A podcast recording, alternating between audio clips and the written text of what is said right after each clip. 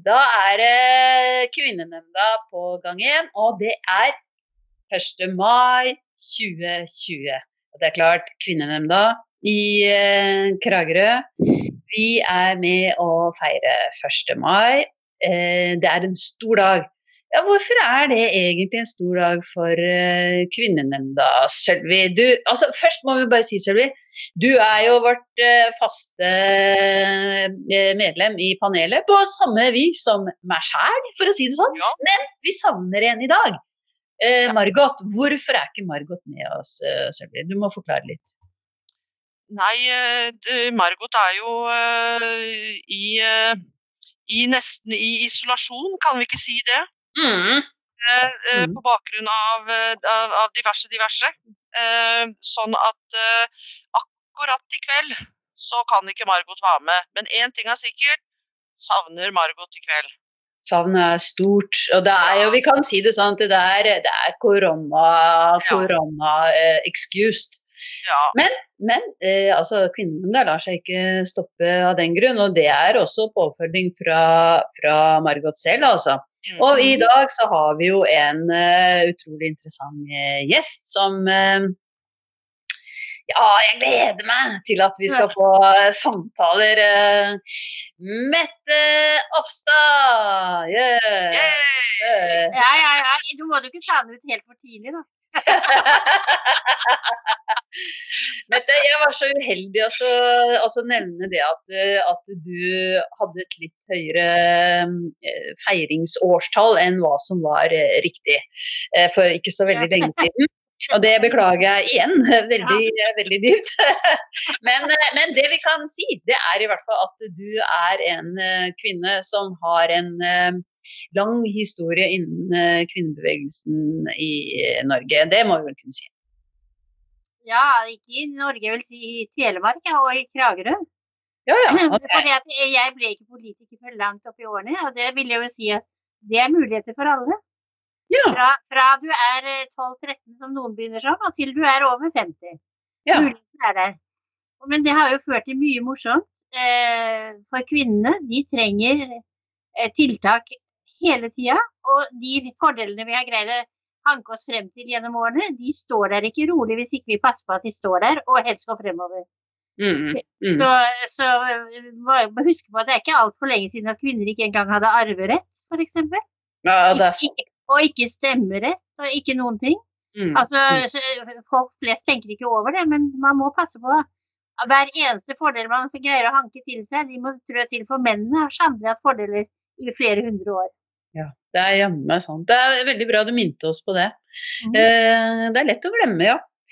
Eh, eh, Sølvi, du har vært litt eh, opptatt av at vi skal eh, se litt, også litt historisk da, på denne dagen.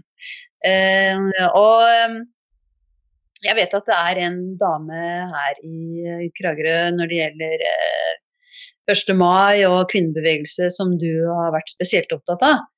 Eh, og hun heter eh, Inger Berit eh, Knutsen. Hvem er det? Inger Berit Knutsen er en av de vel som på en måte har ført litt an i, i forhold til kvinner å være i, i, i, det kommunale styret, da, i, Mm. forhold til politiske verv. Ja. hun har vært medlem av Arbeiderpartiet i 65 år. Wow. Ja, så når hun begynte som Men hun, hun er eh, i høyeste grad levende, ikke sant? Fremdeles. Ja, ja. ja da. Kvikk som det. Ja. Hun er, hun er kvikk som det. Ja. Og det, dessuten må jeg få si det selv, det var hun som tok meg inn i kvinnebevegelsen. ja. Det var, det var Inge Berit. Ja, ja. ja. Var det det? Mm, Ja, det er jo interessant. Ja. Ja.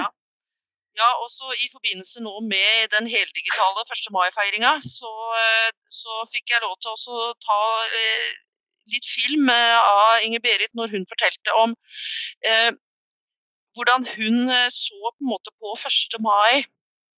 Og, og det hun veldig trakk fram da, det var hvilken høytidsdag 1. mai var. Da var det nye klær, det var å gå i tog. Eh, det var å stå opp tidlig om morgenen, eh, klokka sju gjerne, og, og følge opp alt som skjedde. Eh, eh, foreldrene hennes var jo i, eh, i arbeiderkoret, tror jeg hun kalte det. Og de var jo ute 1. mai overalt og sang, og hun var med.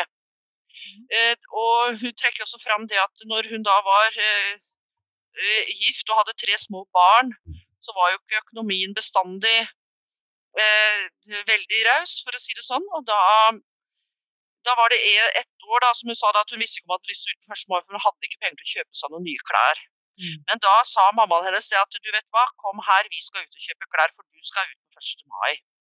Sånn at eh, for eh, Inger-Berit så er vel nesten 1. mai viktigere enn 17. mai. Eh, det var liksom Det var det å holde den dagen i, i hevd var kjempeviktig.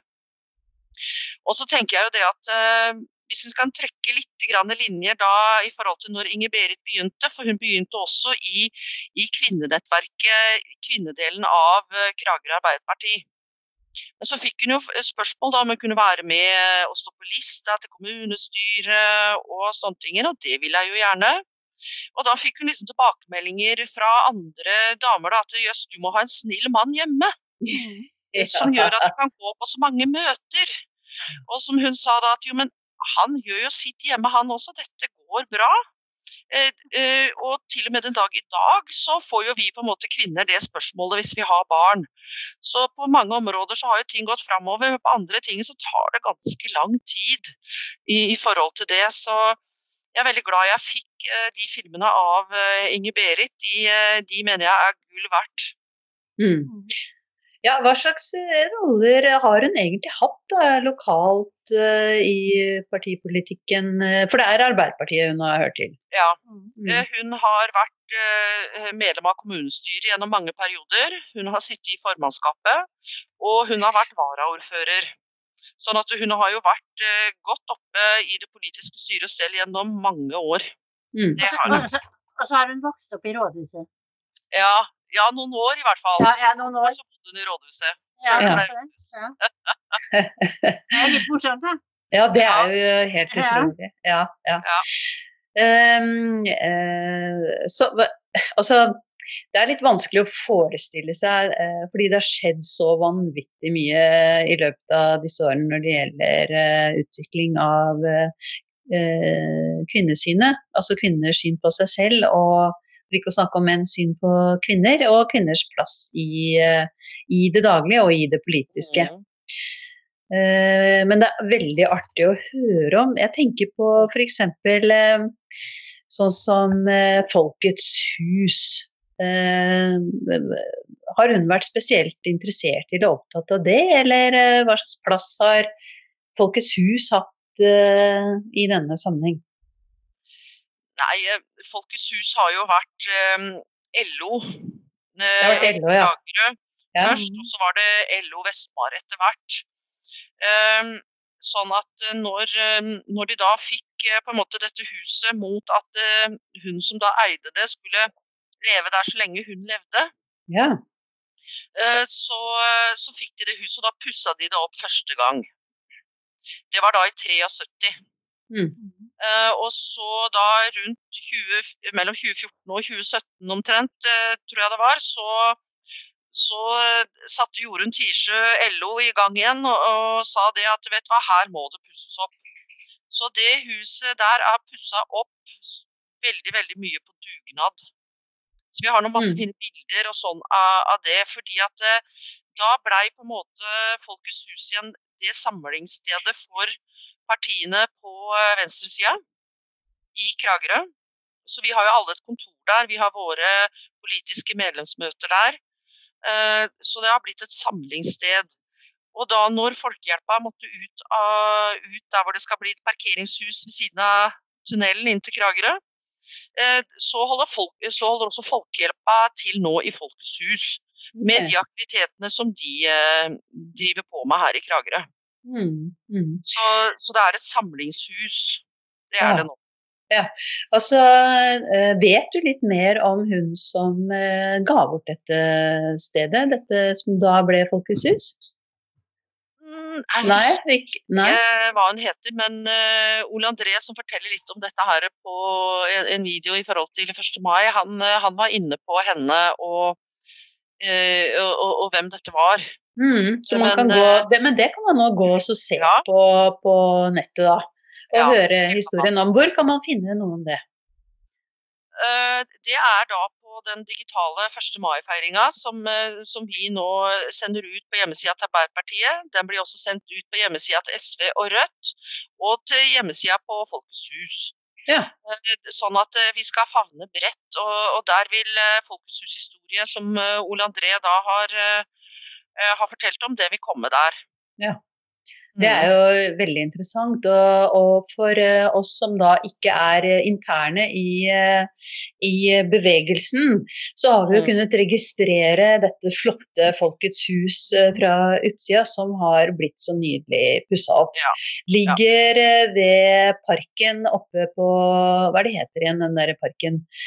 Bjørnsborg, Bjør- Bjør- Bjørnsborgparken. Bjørnsborgparken. Ja, ja. Et nydelig, nydelig rødfarge mur, murhus. Mm.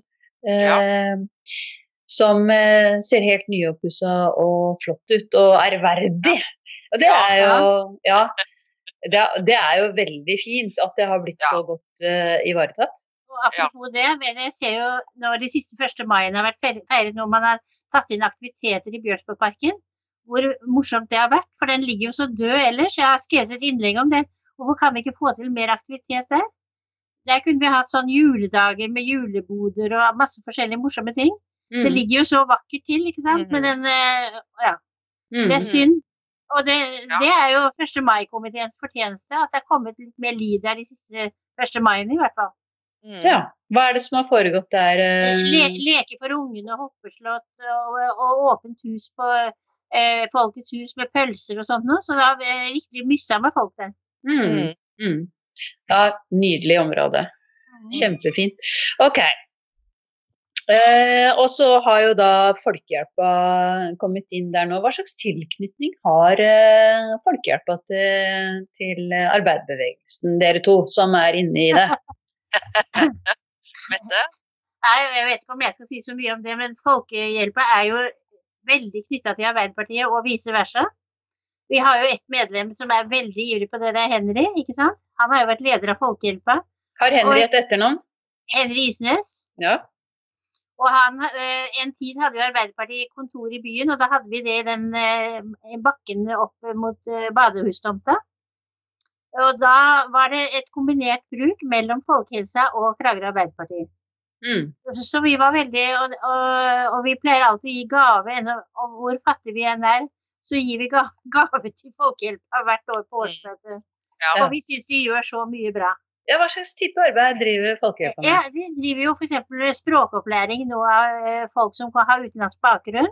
Mm. Eh, de kjører ut mat.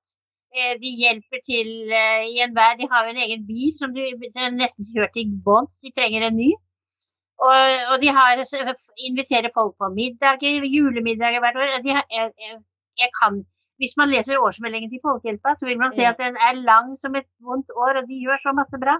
Ja. ja, det jeg har uh, fått med Ja. meg uh, Jeg må i all beskjedenhet bare få lov til å si at jeg var med å starte uh, Frivillighetssentralen i Kragerø. Og den ble knytta til, til eh, eh, Folkehjelpa i Kragerø. Ikke sant? Det var um, Ja.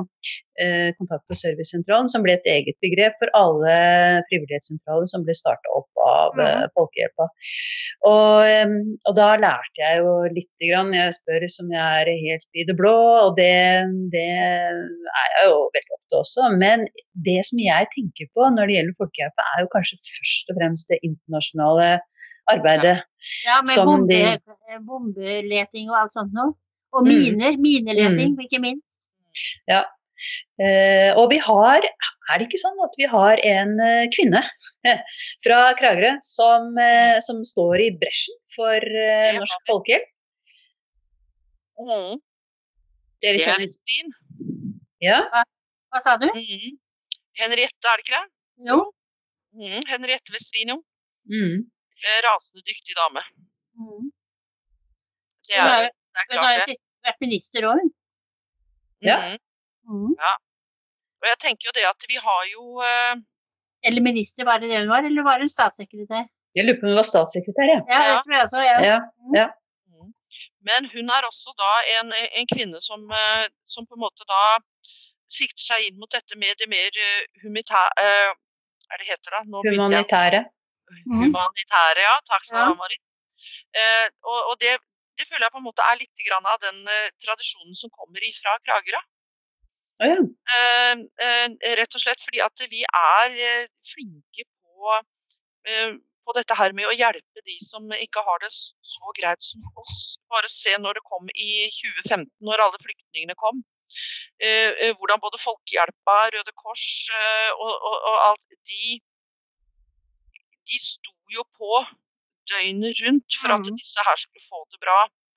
Eh, og sånn at og Når du da tenker på også både Fernanda Nissen, Bodil Bjørn. Eh, vi har en, en sånn en Vi har en arv, eh, tror jeg, i Kragerø eh, for, for kvinner som har et veldig sterkt engasjement innafor Hvis man kan favne det med humanitært og hjelpe de som ikke har det så greit, på en veldig, veldig god måte. Mm. Ok, eh, det, det, er eh, interessant det du sier der. La oss se litt nærmere på sånn som eh, Fernanda Nissen. Og er det noen vi bør snakke med om når det gjelder Fernanda Nissen, så, så kan jeg tenke meg at det er Mette Ossa. Mette, kan ikke du veldig kort si noe om Fernanda Nissens bakgrunn og betydning for, for arbeiderbevegelsen? Ja, jeg må jo si det at Fernanda Nissen, hun er eh, Jeg tror ikke det er noen jeg kan sammenligne henne med, som har gjort så mye for eh, mennesker generelt, men særlig for kvinner kanskje også. Ennå hun eh, hadde jo ikke den bakgrunnen at man skulle tro at hun fikk eh, empati for de svake, for hun vokste opp i et rikmannshjem, ikke sant? Hun, I, I, Kragerø, ikke sant? I Kragerø, ja.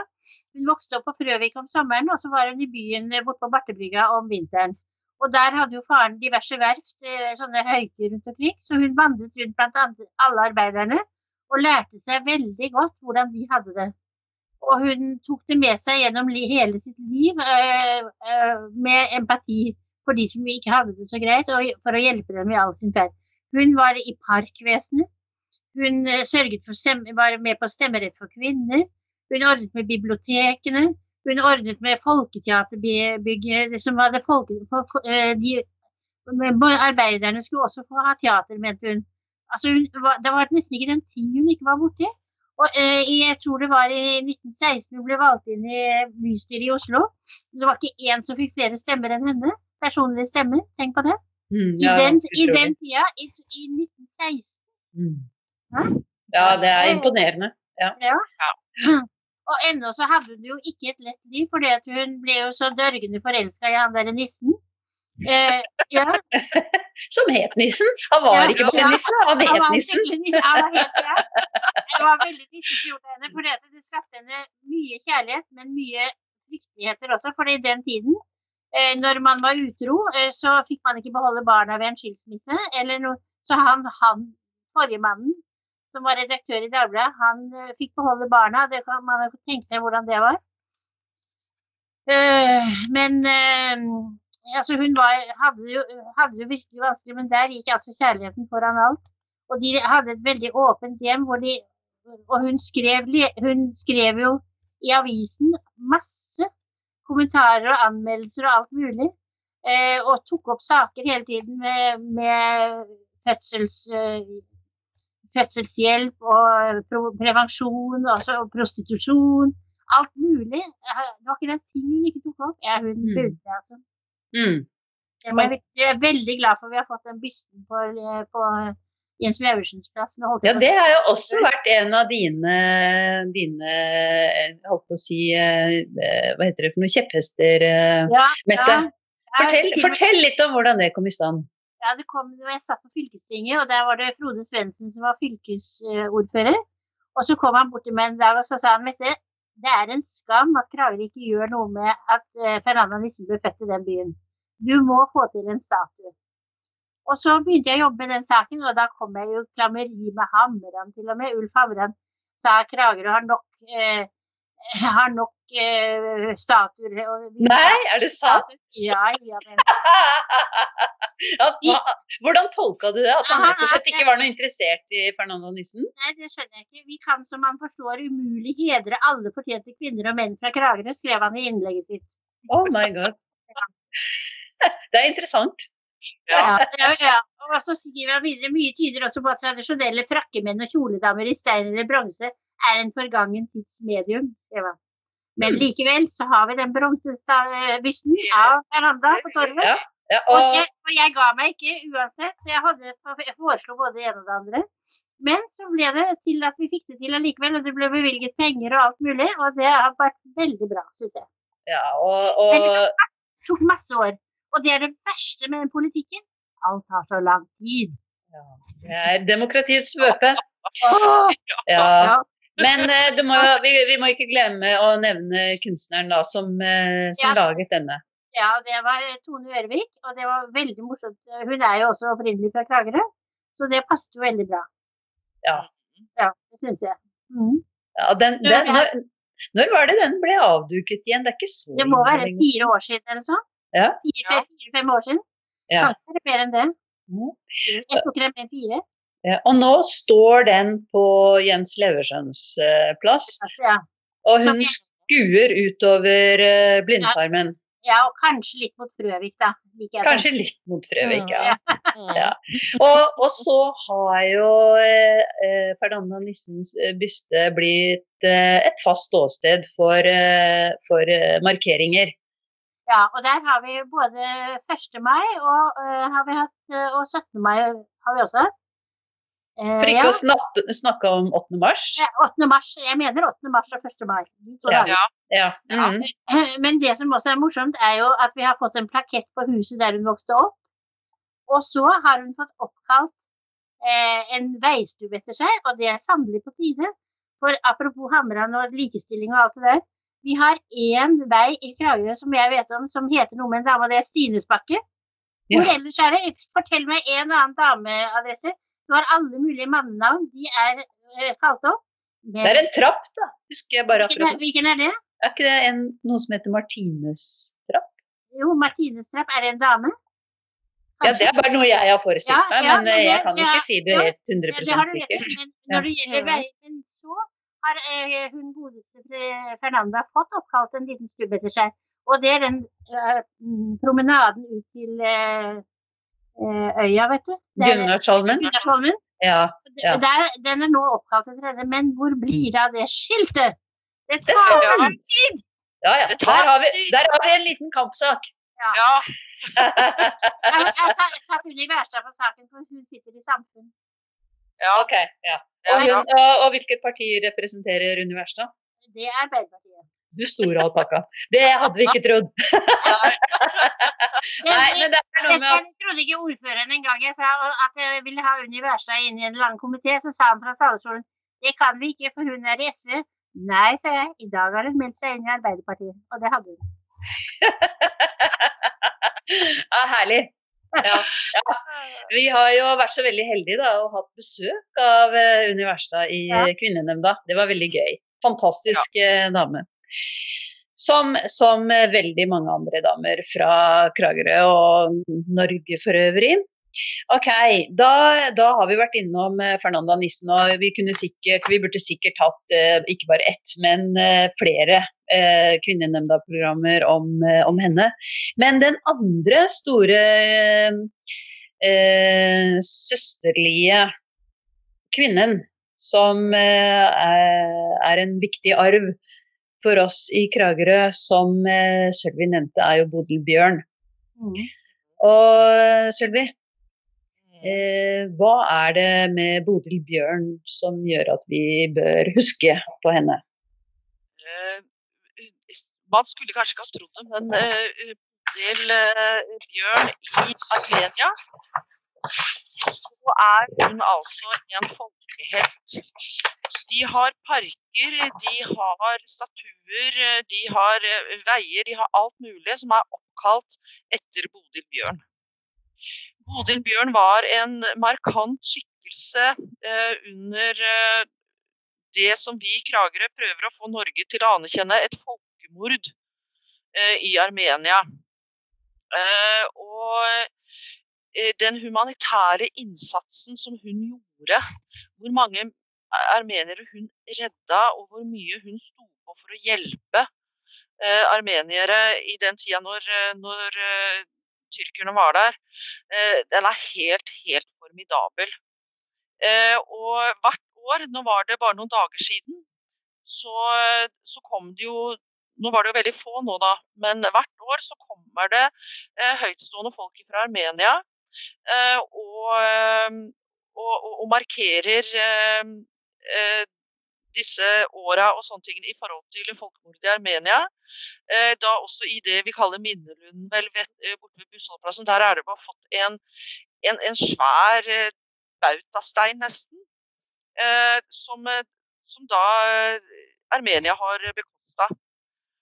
og sånn at det er, helt, det er helt utrolig hvor stor ære de gjør på henne der borte, og hvilken innsats hun har gjort. Det er, mm. Eh, og jeg tror ikke det er så veldig mange egentlig som vet, eh, vet hvor viktig hun har vært i armensk historie. Mm. Det er jo eh, kjempeinteressant. Altså, Bodil Bjørn Bjørn-familien i Kragerø var jo en eh, viktig patriserfamilie. Eh, mm. og de bodde i, i, det som nå er Kragerø rådhus, er det ikke sånn? Ja, mm. det er det. Ballsalen var, ballsalen var der hvor ordføreren har kontor nå. Og det ser, du, det ser, du, i taket. Det er sånn fantastisk flott tak. Mm.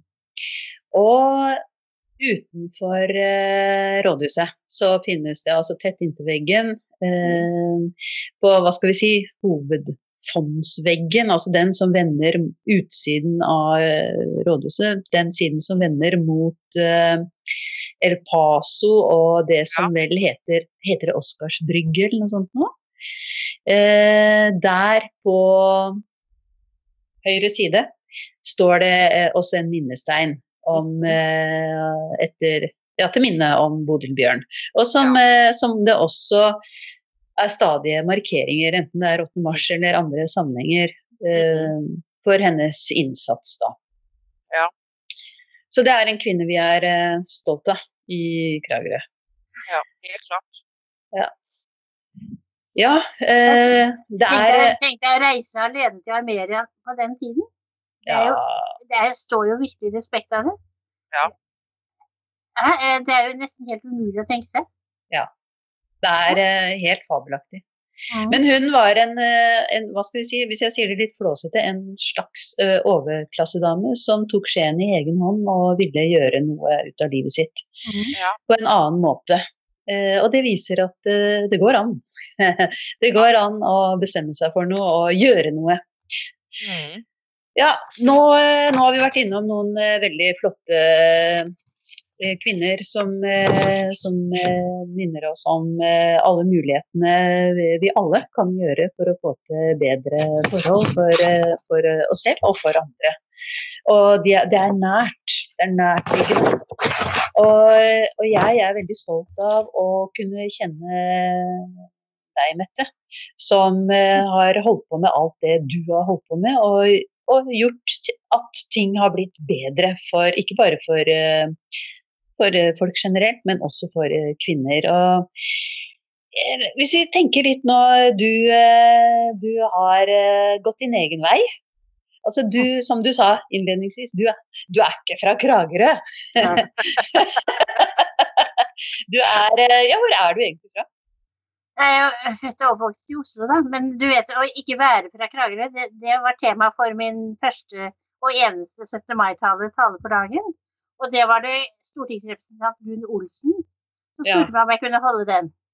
Og hun var jo første kvinne fra Kragerø som jeg vet om som hadde fast plass på tinget. Men det kanskje, kanskje tar feil, men det tror jeg. Turi Kristiansen har jo vært der, men det var som vikar, tror jeg. Mm. Men i alle fall, hun ringte, eller jeg ble spurt av 17. mai-komiteen om å holde den talen, og det gikk akkurat på dette her. Og da hadde vi akkurat fått våre første innvandrere. Og det hadde vært noen veldig stygge historier i avisene om hvor vanskelig det var for dem. Og da tenkte jeg det at det, det, hvis en som, alle disse nivåene man har i en liten småby som har sine eh, sirkler, eller hva jeg skal kalle det, Hvis du kommer der, hvis du er gifter deg med en fra, er fra Kragerø, gifter deg med en fra Kragerø og er eh, løpt i Kragerøs gater i tre generasjoner, så har du jo ingen problemer. Men har du ikke det, så kan det bli vanskeligere. Hvis du gifter deg med en fra Kragerø og kommer utenfra, så er det jo kanskje litt lettere enn hvis du ikke kommer to stykker som ingen er fra Kragerø. Og er det attpåtil da den ene parten er utlending, så blir det enda et hakk vanskeligere. Ja. Og sånn går nå nivåene, ikke sant? Ja, ja, ja. Og, og det vi, men det var det vi snakket, det var temaet. Og sånn er det litt med kvinner også, ikke sant? Eh, eh, når du har den rettigheten, så får du ikke til det. Og har du ikke den rettigheten, så får du ikke til det. Og når jeg var ung, da, den gangen fantes jo ikke syd, ingen reiste til Syden. Det var jo ikke noe som het Sydenreiser. Tenk på det. Ingen Mm. reiste. Måte, De som fikk reise, det var de som var flyvertinner og telegrafister. Og så kunne du være au pair i utlandet hvis du fikk til det. Mm. Så jeg, til mine foreldres store bestyrtelse, så gikk jeg da på radioskolen i ett år i Oslo, det var på sjømannsskolen, og gikk der i ti måneder og lærte meg morse. Da hadde, vi- da hadde vi morse flere timer for dagen hver dag for at det skulle sitte helt eh, under pannebrasken. Og så var det bare å dra til sjøs. ja. Og hvilket eh, år snakker vi om da, egentlig? Når dro du? Det var, eh, jeg dro ut i 63. Ja. Jeg gikk i 62-63 på den der, skolen der. Og så, eh, og så dro jeg ut, og da fikk jeg først en båt som het Hopeville. Og da var det jo to servitriser om bord, og så var det meg som var telegrafist. Og telegrafistene var jo offiserer. Akkurat. Ja, og, eh, så, og, da, og da kan dere tenke dere at da satt man og hadde vakter om bord. Man skulle ta imot værmelding som gikk, kom fra de amerikanske kyststasjonene og ble sendt i en vanvittig fort morse. Og skipperen skulle ha værmelding hver tre-fire ganger i døgnet. ikke sant? Det var dårlig vær ofte. Hva slags type båt var du var på? Jeg var på sånn, var på sånn stykkgodsbåt, heter det. Og det var at de hadde Det var ikke sånne containere den gangen. Så det var masse last som ble lastet om bord. Derfor så lå jo båtene lenge i havn. En gang jeg lå i Marseille, da hadde ikke telegrafisten noe å gjøre. Så da gikk jeg på sånn, sånn, hva heter det, sånn, sånn kurs og lærte å danse. Ja, akkurat. Og spiste bouillabaisse på, eh, på kneipene i havna der. Uh, ja. Ja. ja, men det var jo utrolig morsomt. Ja.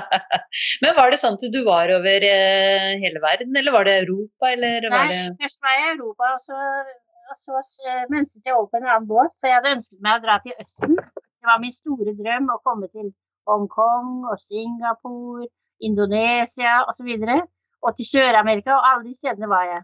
Yeah. Jeg var oppe i Machu Picchu for 55 år siden, Oi. i Peru. Og nå er det jo eh, så mye folk der at den gangen dro jeg med hele besetningen som hadde fri, som lå i land i Lima. Så dro vi på tur dit med en buss opp i Machu Picchu i eh, Peru, i Lima. Og da var det ikke bare vi som var der, og, og en guide. Mm. Ingen, nå var jeg der for eh, tre-fire år siden igjen. Da var det så smekka fullt at vi ble sluppet inn i puljer, og det. Ja. Sånn, Mm. sånn har verden utviklet seg. Ja, tenk på det. Ja, Det er fantastisk. Ja, altså, men og det var jo et utrolig spennende yrke, da. Jeg hadde hyreregnskapet hver, eh, hver måned òg. Så det at når folk skulle ha penger når de ville i land, så måtte de henge, så hengte jeg på liste, og så skrev de på hvor mye de ville ha i det valutaen. Og så telegraferte jeg til eh, agenten i land, og så kom han om bord med en koffert og med penger full av penger, og så delte jeg ut. Sånn var det.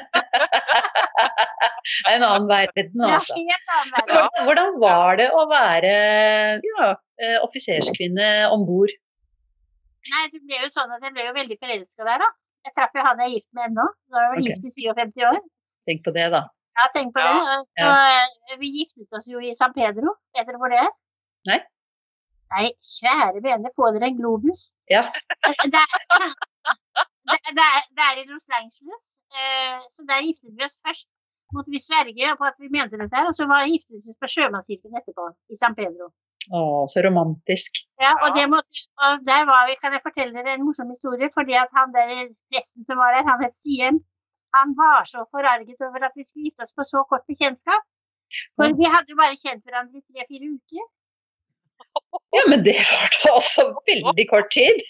Ja, han hadde ikke hørt på maken, for selv hadde han vært forlovet i seks år. og dette gikk. Herlig. Men dere var eh, stormende forelska og fast bestemte. Ja da. Så det gikk fint, det. Vi har holdt det gående siden, holdt jeg på å si. Men hva slags oppgave hadde mannen din om bord? han, han ville jo gå på eh, styrmann- og skipperskolen. Han, han manglet litt så han var på dekk. Okay. Men det gikk jo helt skeis, for da kom han litt ut av kurs når han traff meg. Ja. Ja. ja. Ja, så, okay. der, så dermed så eh, dro vi på land, og så har vi eh, gått skole siden. Og det er jo også en veldig spennende historie med, med din mann, som eh, etter, etter at han ble pensjonist, endte opp med å studere filosofi, har jeg fått med meg. Ja, han tok en master i filosofi og skrev bok om miljøet. Ja. Og den skrev han i den var ferdig i 2013, lenge før noen andre bøker kom om den. Så det er litt morsomt. Ja, det er helt fantastisk. Og hvor gammel er han eh, Nå er han 82. Ja, Det er jo helt utrolig. Så det er eh, Altså, det viser bare sånn som vi tidligere var inne på. Altså, man kan eh, sette seg mål og gjøre hva man vil, både når det gjelder eh, la meg si, det rommelige utstrekning, men også tidsmessig. Det er aldri for seint. Det vil jeg si. Og det er aldri for sent å begynne i politikken. Det var Gunn Olsen som, som fikk meg med på det.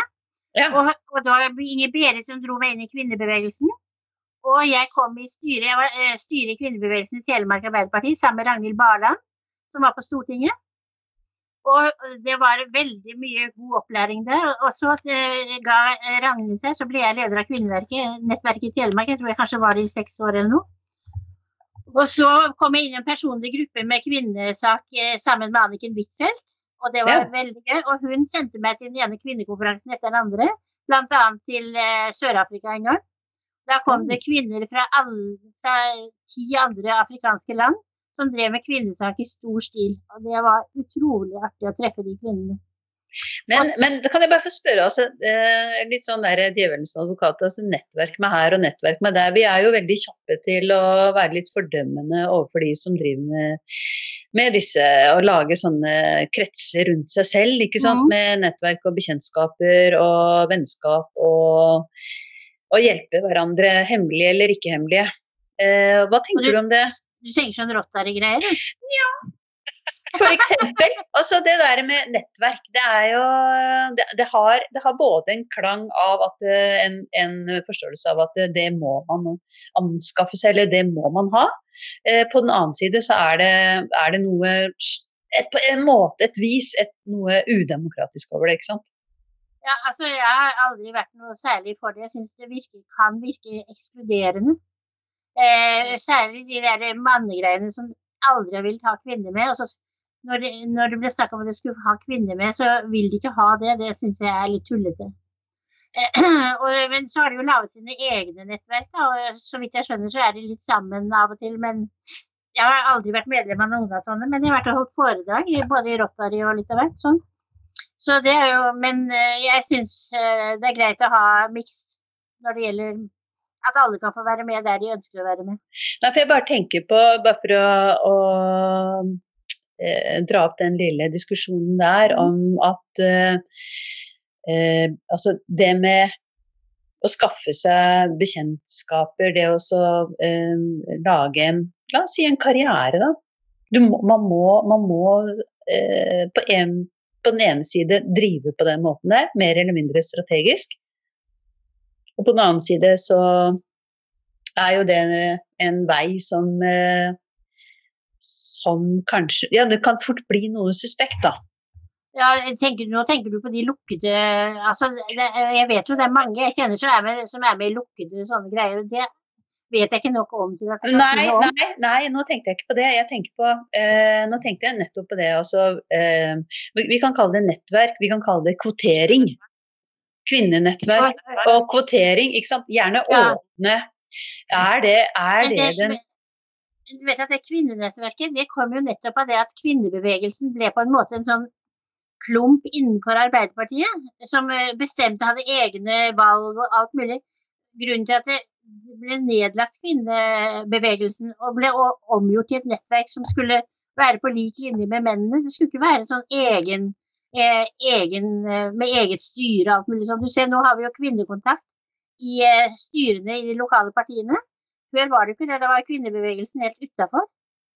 På en måte. Det var, eh, nå, Jeg syns det er mye bedre nå, men det var stor motstand mot å gjøre om på det. Veldig stor. Jeg husker jeg var på et landsmøte hvor det var oppe. Det var jo krig på kniven.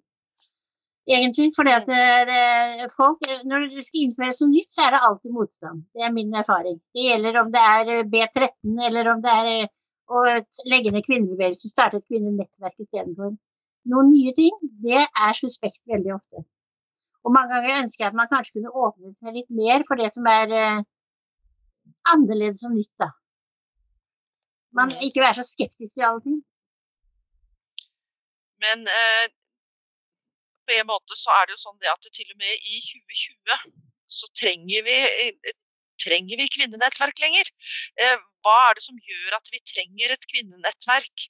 Eh, er det for, som, eh, som Marit sier, at vi på en måte skal, skal ha sånne, sånne jenteklubben grei greier for å være strategiske og hjelpe hverandre opp, som det ofte disse nettverka, uformelle og formelle, for menn funker? Mm -hmm. Eller er det for å også styrke kvinner? Trenger vi at vi selv, får mer selvtillit og tør mer? Eh, hva, hvordan på en måte skal da et kvinnenettverk funke for at ikke det skal bli en gutteklubben grei? Ja, Det syns jeg er et veldig godt spørsmål, da, for å si det sånn. Men, men, men jeg kan jo nevne et eksempel. Da. Jeg sitter nå i nominasjonskomiteen for uh, stortingslista for Telemark. Og Der har de jo forskjellige erfaringer. og Der fikk jeg høre det at ett år hadde de sendt inn til alle lokalpartiene at de skulle sende så mange navn inn de ville. til alle partiene. Og det hadde de gjort. Og da ble det 80% menn og 20% kvinner. Og det viser jo det at, eh, at det er jo ikke godt nok, da. Det er ikke godt nok, så da må en jo ta, gjøre tiltak. ikke sant? Og du ser jo dette med likelønn. Det første 8. mars-toget som gikk, der protesterte de. Da hadde de plakater om likelønn. Og hva er det som er nå? Likelønn igjen. Fortsatt holder de på med det. Og, mm. og, men, eh, og du kan si at da er, er, nettverkene ikke sterke nok, eller hva er det som gjør det? Jo, mm. ja. hvordan, eh, hvordan, eh, stiller du deg til kvotering, Mette? Og Sølvi? Ja, ja. Jeg må si at jeg er veldig for kvotering begge veier, Mette. Begge mm. veier. Fordi at jeg ser jo der hvor du har det og får en viss lik fordeling mellom kjønnene, så fungerer ting så mye bedre.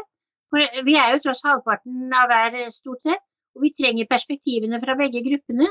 Og det ville være veldig synd hvis vi mistet det, tenker jeg. Mm. Ja, der er jeg enig. Det er sånn som nå i kommunen så har man jo et prosjekt også som heter Menn i helse. Mm. Eh, og Der er det spesielt fokus på å kunne få omskolert eh, menn også inn i, i omsorgsyrkene i kommunen. Eh, og, og, det er klart at Når du først har kommet inn med, med, med det programmet der, sånn, så, så, blir du jo spesielt tatt hensyn til. Du får et spesielt opplegg og sånne ting, nettopp fordi at man vil ha flere menn inn der. Eh, sånn at eh, Jeg har ikke så sansen for når, eh, når man begynner å, å, prate om det at man vi, vi ikke har kvotering fordi at det skal gå på bare på kunnskap, det skal bare gå på kompetanse fra før. fordi at innimellom så er det nødvendig å ta noen spesielle tiltak over en periode for å kunne jevne ut ubalansen imellom kjønn. Men så har vi jo det nå, sånn som på legestudiet. Ja. Nå så er det jo flere kvinner ja, da må du gjøre det andre, andre veien. Ja, ikke sant. Sånn at det, for å kunne få balanse, så ja. det, er, det, er, en veldig interessant uh, diskusjon. Uh, men uh, Mette, når jeg tenker litt tilbake til det her med kvinnenettverk og sånne ting, som man på en måte trenger da i, i, i, i, partier og politiske partier og sånne ting. Jeg tror ikke at vi, vi i Arbeiderpartiet er vel ikke det eneste politiske partiet som har noe sånt.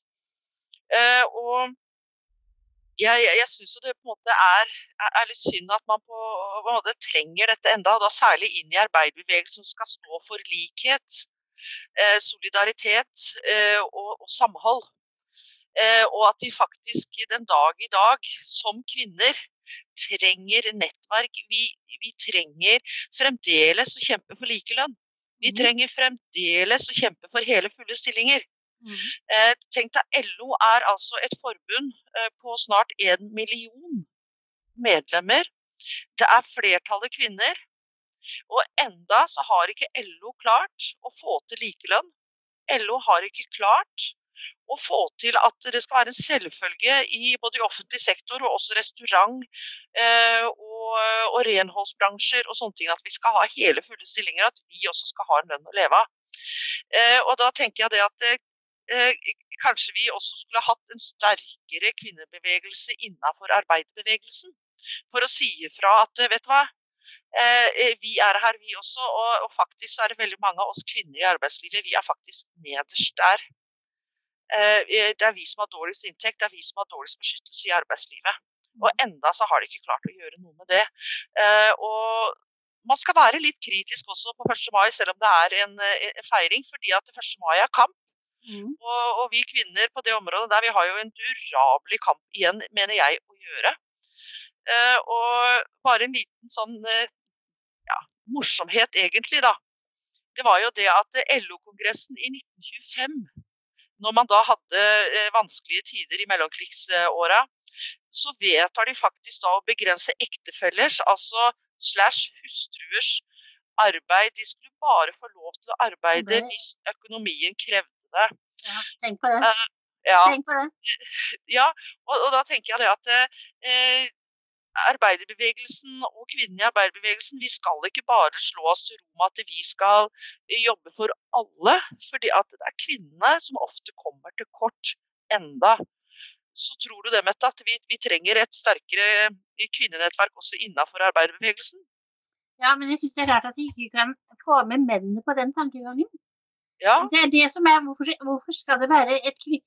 Fordi at det, skulle, alle folk burde være enige i F.eks. at eh, kvinner skal tjene like godt som menn og ha fulle stillinger hvis de vil det. Og jeg håper alle vil det, for ellers blir de sittende som minstepensjonister når den tid kommer. ikke sant? Og det, det er kvinner en masse som er minstepensjonister. Alle sammen fordi de ikke har hatt fulle stillinger eller fordi de har tjent lite. ikke sant?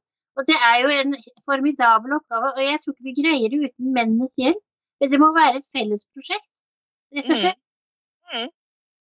Og de har jo nå funnet ut, jeg husker Anniken Huitfeldt sa de hadde en sånn uh, undersøkelse på det at menn som hjelper til, uh, som er, eller hjelper til, som er en del av husholdningen, som tar 50% av allting og tar pappapermisjon og sånn, ekteskapene holder lenger. De holder, og, og, de hjelper til. Uh, og det er mye mer lik fordeling av arbeidet. Og de får et bedre forhold til ungene sine.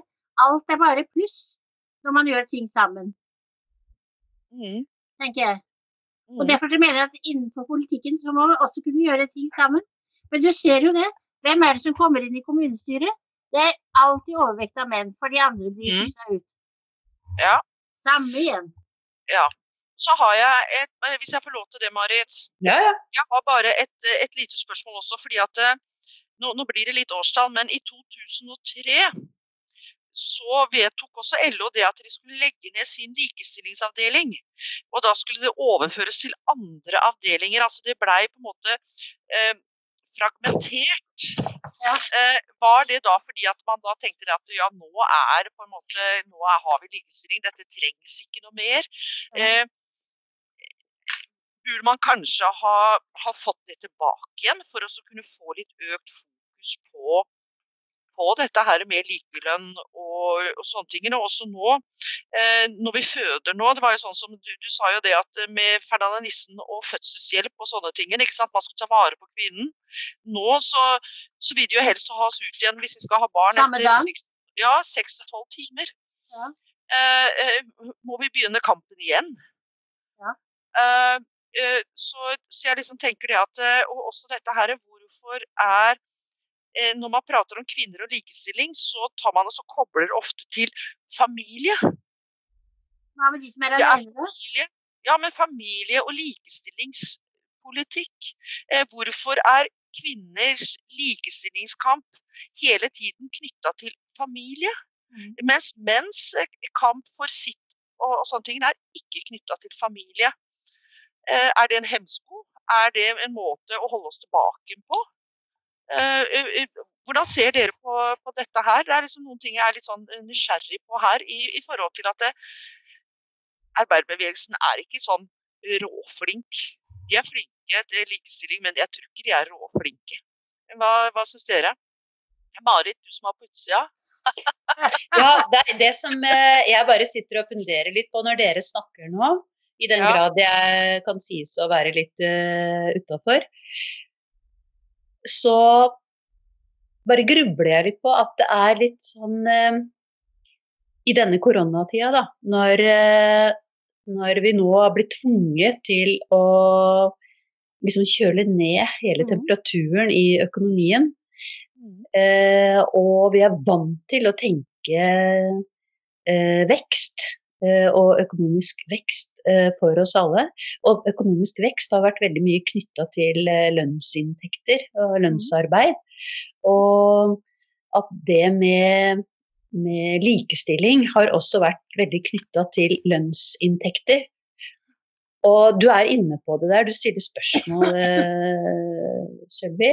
Og også Mette, jeg bare lurer på om, om vi må tenke litt nytt rundt det med likestilling og lønn og vekst og inntekter. Men nå blir det litt sånn i annen Ja. grad, på en måte. Men, Jeg men har gjerne lyst til å si noe der, Marit. Altså, Ja, fordi gjør det. Fordi at jeg tenker lønn eh, de Det er eh, stort sett likelønn i det offentlige. Eh, altså En lærer, enten det er mann eller kvinne, tjener det samme. Førskolelærer, mann eller kvinne, tjener det samme. En renholder er plassert i sånne greier, men det er jo mest kvinneyrker. Og jeg, apropos koronatider, så ser vi jo nå hvem som burde få høyere lønn. Mm. Det er jo sykepleiere og hjelpepleiere og renholdere som virkelig har stått i bresjen her.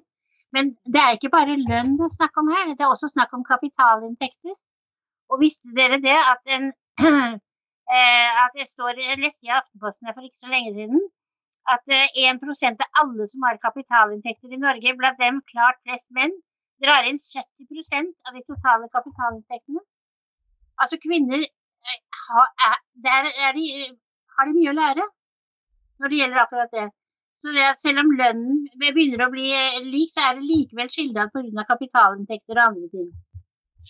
Men, eh, men Marit, det du også sier nå i forhold til lønn og, og sånne ting, lønn for, for oss vanlige mennesker i gata, det består veldig mye av hvor mye skal egentlig de som produserer på gulvet få av kaka? Ja. Eh, Fordi at eh, uansett en bedrift, uansett disse tingene, de har en viss kake. Og så er det jo sånn det at de som eier kakebitene, eh, de vil også ha sitt. Eh, sånn at eh, eh, det veldig mye lønnskamp dreier seg om også, det er hvor mye man skal ha av kaka. Ja da, Eh, jeg skjønner, jeg skjønner det. Ja, mens, mens jeg er også med, med på den som det du sier der. For i, i forhold til dette her nå, når ikke vi får vekst, så må vi tenke annerledes. Og det håper jeg vi gjør. fordi at eh, jeg tror det at hvis ikke vi gjør det, så er det kvinnene som kommer seinest ut igjen i jobb av de som er arbeidsledige. Eller de får de eh, dårligst betalte jobbene. Jeg er redd for at historien gjentar seg, som du ser da i mellomkrigstida, når til og med LO vedtar at, at de skal begrense kvinners mulighet til å jobbe. Eh, Så, så her må vi være eh, veldig på i, eh, i, i forhold til det at, at vi, vi må begynne å tenke nytt når det gjelder Mm. inntekt. Men ikke bare vi som er inntektsmottakere, men også de som skaper arbeidsplasser og sånne ting. Jeg tror vi alle må begynne å tenke litt nytt rundt økonomi. fordi at jeg, jeg, jeg vet ikke hvor mye mer jorda har å vokse på. Den har ikke noe å vokse på. Nei, men der tror jeg du er inne på noe som er eh, bekymringen for veldig mange. Ikke sant? Ja. Og hvis man, hvis man tenker seg akkurat det der med korona og pandemien, eh, at det er et uttrykk for eh, en Jeg vet ikke om det er riktig. Jeg spør mye, like mye som jeg slår fast noe her. Altså, eller slår ikke fast noe, men er det sånn at at eh, man kan tenke seg at pandemien er et uttrykk for at naturen slår tilbake eh, i forhold til det med denne vekstfilosofien som eh, vi har vært med på. Og hvis det er sånn, hva slags rolle skal kvinnene ta i forhold til det? Ja. Eh, og, og da er det jo omsorg for, for barna og, og de gamle og, og nåværende generasjoner, men også kommende generasjoner. Hvordan skal vi tenke rundt det? Og kanskje er de litt gammeldagse, de eh, strategiene vi har tenkt rundt uh, fordeling. Uh, og det gjelder ikke bare her, men det gjelder jo over uh, hele kloden. Ja, men Så, tenk, tenk deg da, nå som vi er så veldig inne i nyhetene med, med sånne skatteparadiser pga. den nye ansettelsen av, sentral, av sånn mm. fond. Og så sier jeg, jeg tenker det med sånn skatteparadiser. Der er det altså milliarder av kroner som er salta vekk. Eh, og det, til, det, gjør jo vanlige folk, uansett land, må betale mer i skatt. Så er det noe som ikke er solidarisk, så er det i hvert fall det, tenker jeg. Eh, eh og det gjelder jo mange ting, ikke sant. Den, men det som sto også i den artikkelen i Aftenposten som jeg snakket om, den viktigste årsaken til at menn tjener mer, er at langt flere kvinner enn menn velger å jobbe deltid. Og hva gjør man med det? For det velger du å jobbe deltid, og det skjønner jeg kan være passe den enkelte kanskje i situasjoner. Men det fører jo til at du blir minstepensjonist. Det, eh, og da snakker jeg om valgt deltid, ikke ufrivillig deltid, men valgt deltid.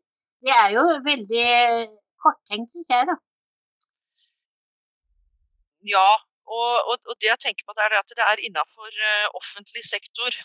Mm. Så er det jo sånn at det har, har, blitt en kultur for at det, at når man jobber der, så skal man nesten få lov til å velge hvor, hvor stor stilling man vil ha selv, uansett om tjenesten da blir bedre eller ikke. Og mm. ofte da med mange delsansatte, så, så, får de man skal uh, passe på å hjelpe, de får så mange å forholde seg til at tjenesten blir ikke så god. Nei. Men det er liksom underordna, fordi at kulturen er at man på en måte skal bestemme det. Men nå kommer det en ny generasjon både av sykepleiere og helsefagarbeidere og sånne ting, som vil ha 100% De kommer, og de vet godt om uh, hvordan pensjonen deres uh, lider hvis ikke de har det. Mm. Sånn at vi får en generasjon kvinner etter hvert nå som kommer etter. Men, uh, men Marit, i forhold til den, det spørsmål slash påstanden du kom med i, i, forhold til at kanskje er dette Det du sier er en slags Gaia-tenkning, mm. som, som, jeg sier. og jeg tror ikke det er noe, eh, noe bombe at, eh, at denne eh, covid-19 kommer fra Kina. Eh, fordi at de har jo en sånn utstrakt handel med levende ville dyr. Som de stuer sammen i bur. De stuer tusenvis av dyr og mennesker inne i lukka haller. Eh, de har ikke noe verneutstyr, ingenting, når, når de da skal eh, ta og, drepe disse dyrene og, og, eventuelt tilberede det eller bruke det på de måtene de gjør. Eh, så, og, og, det er klart det at habitatene til ville dyr de blir mindre og mindre fordi vi menneskene blir flere og flere. Og vi går inn på deres områder. Eh, sånn at eh, eh, Det er jo en av grunnene, mener jeg, til at vi blir utsatt for disse pandemiene. Sånn som svineinfluensa, fugleinfluensa, og, og, sånne ting. Så det er, det er klart at når vi begynner å nærme oss de dyra som vi ikke har hatt kontakt med før, og nå får det så mye, så, så er det klart at dette her vil, vil oppstå. Det er mener jeg, en konsekvens av det. Og Da må vi begynne å, å, tenke nytt. Eh, vi skal utnytte det vi har rundt oss, men vi må også passe på å gi nok tilbake. Sånn at vi har en evig runddans og ikke bare tar og tar og tar som vi gjør i dag. Ja, for det som jeg bare, det bare slår meg. Vi, nå, nå, snakker jeg jo med to veldig sterke Arbeiderparti-kvinner. Og det er veldig, veldig, veldig gøy og veldig flott, og jeg er veldig stolt av dere. Og eh, beundrer eh, både historien til alle de eh, kvinnene som har stått på for eh, rettigheter her til lands og internasjonalt for å få til bedre kår for folk, og særlig kvinner og barna. For det er det de og dere gjør. Men eh, jeg har bare også lyst til å slenge frem at eh, nå, med den tida vi er inne i nå, så ser det ut til at vi må inkludere de andre artene i det solidaritetsarbeidet, det internasjonale solidaritetsarbeidet. Mm. Fordi eh, vi har vært vant til å, ikke sant, med å tenke at det er menneskene vi står for oss selv, og så er det de andre artene der ute. Og, Ja. og, og, men vi blir mer og mer klar over at vi er i en, eh, i en helhet, da, med, også med de eh, Mm. andre artene. Og, og hvis vi skal tenke internasjonal solidaritet, så er det øh, Det er veldig interessant og, og artig å høre f.eks. Mette snakke om at hun har vært eh, i, på andre kontinenter og opplevd alt det hun har, også gjennom eh, arbeiderbevegelsen. Men jeg tenker også at eh, det eh, veldig viktige arbeidet som kommer til å være på agendaen framover når det gjelder eh, det internasjonale solidaritetsarbeidet, Ja. Så kommer det til å, til å endre karakter, fordi vi må nødt til å inkludere eh, hele planeten, altså, og, og de andre artene. Vi må tenke nytt på en måte. Og ikke tenke sånn tradisjonelt eh, bare. Altså, for det, vi, må, vi må gjøre flere ting på en gang, men Ikke bare- Ja, du må komme bort fra vekstfilosofien. Mm, Det er, det er det som er feilen. ikke sant? Du må komme Mhm. bort fra vekstfilosofien. Og det er ikke en politiker i dag som vil Altså, alle tenker vekst. Vekst, mm. vekst.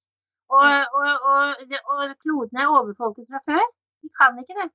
Men det som er vanskelig, er at, eh, å få de overbefolkede, virkelig overbefolkede landene til å tenke ikke vekst. Se på India, hvordan de har det nå, f.eks. Og se på Kina. mm. Se på Afrika. Mm. Jeg, det, er det er så sørgelig. Jeg har bodd to år i Kenya, og nå var jeg der for en stund siden og, og, og i Afrika. Det har nesten ikke endret seg på landsbygda på 30 år. Det er så ille. Mm. Så, så oppgaven er formidabel, da. Mm. Men eh, der har jeg et innspill, og det er det at vi, vi driver jo med nødhjelp i form av kroner. Eh, og, og sånne ting. Men eh, jeg tror nok at eh, ganske mange av de kronene de forsvinner på veien. Eh, og så tror jeg faktisk det at eh, de lærte litt av det når de i Afrika ga, ga mannen i huset som på landsbygda, da ga mannen i huset penger for å kjøpe maskiner og, og sånne ting. Men han gjorde jo ikke noe, for det var jo kona som dreiv på på gården. Ja.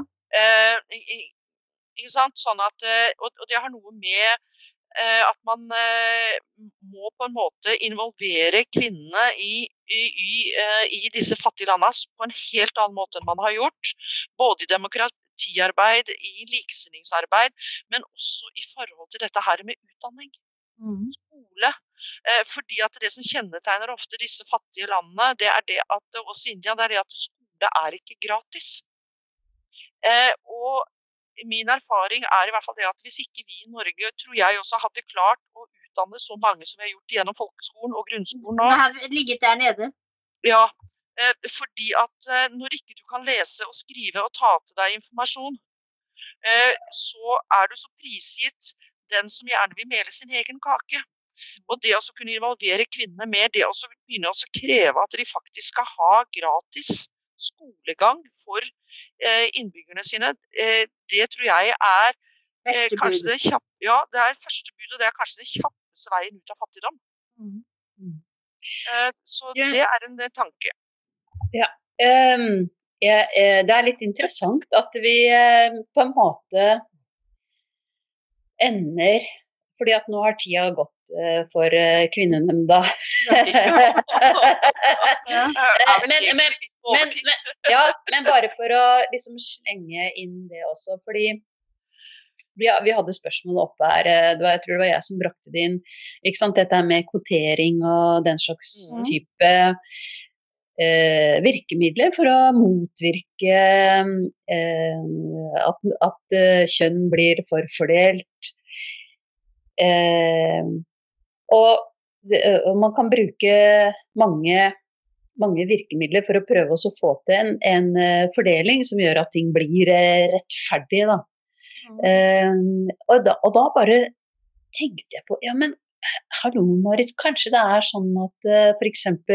dette tiltaket som uh, Kvinnenemnda er, da. Dette, denne podden. At den Ja. er egentlig passé. Skal vi bare legge ned kvinnenemnda, folkens? Å nei, å nei. Ja, Ja. sier du, jeg tror kanskje det at eh, man må nok jobbe Vi har jo kommet et stykke på vei når det gjelder kvotering, da. For før så var det jo bare snakk om å kvotere kvinner, men nå er det snakk om å kvotere menn òg. For å få til Ja. en likest mulig Og man får ikke til for at Jeg er litt uenig med det. Det er ikke for at det skal være rettferdig. Det er for at man skal få perspektivene til begge gruppene. Det skal komme frem i alle sammenhenger, tenker jeg det er viktig. I Mm, politikken, i næringslivet, innenfor skoler og barnehager og innenfor overalt, så er det viktig å ha perspektivene eh, så godt fordelt som mulig. Vi har hvert vårt å tilføre. Vi er forskjellige. Uansett hva man sier, så er vi det. Ja, og det, eh, vi driver jo med det enten det gjelder eh, altså eh, mangfoldet. Altså mangfoldet, vi ønsker mangfoldet med, Ja, ja. med, på forskjellig vis. Enten det er gamling, gamlingser eller det er eh, innvandrere eller eh, Så jeg, jeg, jeg forstår det, og jeg er helt, selvfølgelig helt med på den. Og man kan eh, eh, bruke alle disse forskjellige måtene og prøve å få det til på.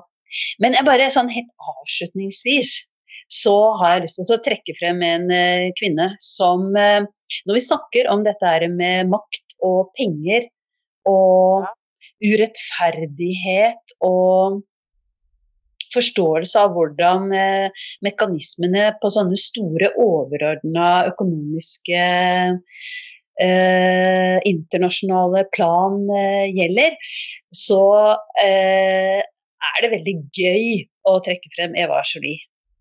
Ja. Hun er jo en av de som virkelig har eh, gått i bresjen for å, og slår knallhardt ned på eh, disse som driver med, med alle disse uhumskhetene. Jeg kaller det snusk. Ja, snusk. Ja, Du, ja, det er det, det er et godt ord. Ja, ja, ja det er, og det er å unndra seg. Eh, Ja. Akkurat det, Mette, du var inne på det med, med å unndra seg beskatning.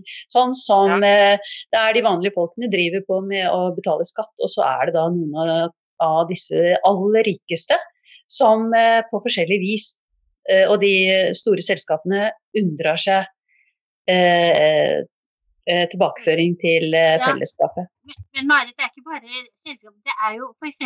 de store universitetene i USA. De har svære formuer liggende på disse. Og, og der, tenk på det. Det er jo snakk om skolegang på universitetene. De har pengene sine på Cayman Island. Ja, det, og, og der man kan lure på hvorfor må de det? Hva slags forhold er det som gjør at de må det, eller at de føler at de må det? da? Og jeg tenker det at å gå på eh, en norsk universitet hvor alt er gratis eh, Riktignok opparbeider du deg studier, men det, det fins jo ikke andre steder enn på Island og Sverige og Danmark og Norge, så vidt jeg vet. Med de ordningene vi har. Jeg husker så godt når jeg studerte i USA. Vi var jo på den grønne gren fordi vi hadde Lånekassen. mm, Det var jo så flott. mm. Men, eh, mens amerikanerne de måtte jo betale i ytt og gevær. Foreldrene måtte spare fra de var eh, sånn små. Det blir jo så galt. Og jeg er så enig med Sølvi at første bud for at det skal bli godt i et land, det er at folk har gratis utdanning. Kvinner som menn. Mm. Mm. Ja. Og er det sånn at eh, mener både du, Mette, og Sølvi at eh, La meg si det sånn litt svart-hvitt. At svaret, i, sånn i hermetegn, på de enorme utfordringene som, eh, som vi står over, Altså menneskeheten, men ikke bare menneskeheten, men jordkloden står overfor, det er det er opplysning eller utdanning eller hva du kaller det for noe. I, altså inf at folk blir informert. Når det gjelder f.eks. overbefolkning, når det gjelder eh, hvordan man ordner økonomien det er, Svaret er utdanning. Folkeopplysning og utdanning. Folkeopplysning. Og utdanning. Ja. Man ser det i de landene som har velstandsøkning, så minker fødselstallet. Fordi at Særlig der hvor kvinner også har lik tilgang til skole som menn, så minker fødselstallet. Sånn at det er også en måte i de fattige landene da å kunne klare å begrense fødselstallene. Og begrense en, en folkeøkning eh, i, i verdens befolkning. Eh, så, så, så, jeg tror jo første, eller uhjelp og alle sånne ting skulle ha gått mye mer til, til skole for barn. Mm, takk skal du ha. Mm. Ok, dette er en kjempelang og svær diskusjon, og jeg har en, en million spørsmål som jeg gjerne ville fortsatt spørre dere kloke, vise kvinner uh, om. Ja, ja. Uh, og, det, og, det, kommer vi sikkert til å fortsette med ut i, i mange sammenhenger. Men uh, hva tenker dere nå om denne Kvinnenemnda-podden, som da ble årets første mai-pod i Kragerø? For nå må vi avslutte og si takk for oss. Eh, Mette, noen velvalgte jeg, jeg, jeg, tenker det at 1. mai må man absolutt uh, få kvinner til å gå, være med på det. For jeg, det tror jeg er utrolig viktig. Jeg tror ikke vi er ferdig med verken kvinnenettverk eller noen ting, men vi må jobbe hele tiden for at menn skal forstå problemet og innse at det er veien til felles beste, og, og finne løsninger sammen. Mm. Sølvi? Jeg syns Mette sa det helt utrolig bra. Eh, eh, men jeg må jo si det at eh, for meg så er det sånn at 1. mai er selvfølgelig en kampdag. Men 1. mai for meg er også solidaritet og samhold mm -hmm. med de som, de som, har det dårligere enn oss. De som nesten ikke har mat på bordet, om det er her i Norge eller også i, i utlandet. Eh, og, og, for meg så er det veldig viktig på 1. mai. Og det er jo derfor 1. mai er en kampdag. Nettopp for å vise solidaritet og samhold med andre enn en bare oss selv. Mm. Veldig bra. Tusen takk til uh, dere begge to, Sølvi Virø og til uh, Mette Ofsa. Og vi må få lov til å hilse til uh, Margot, som ja. skulle vært med oss ja. i dag. Mm -hmm. men hun kommer sterkere tilbake. Ja. ja. ja, ja. Takk, Marit, for takk. en flott eh, programlederjobb i dag. Og tusen takk for meg. Takk for det var veldig moro å få være med. Ja, tusen takk, Mette. Ha det godt. Ha det. Ha det.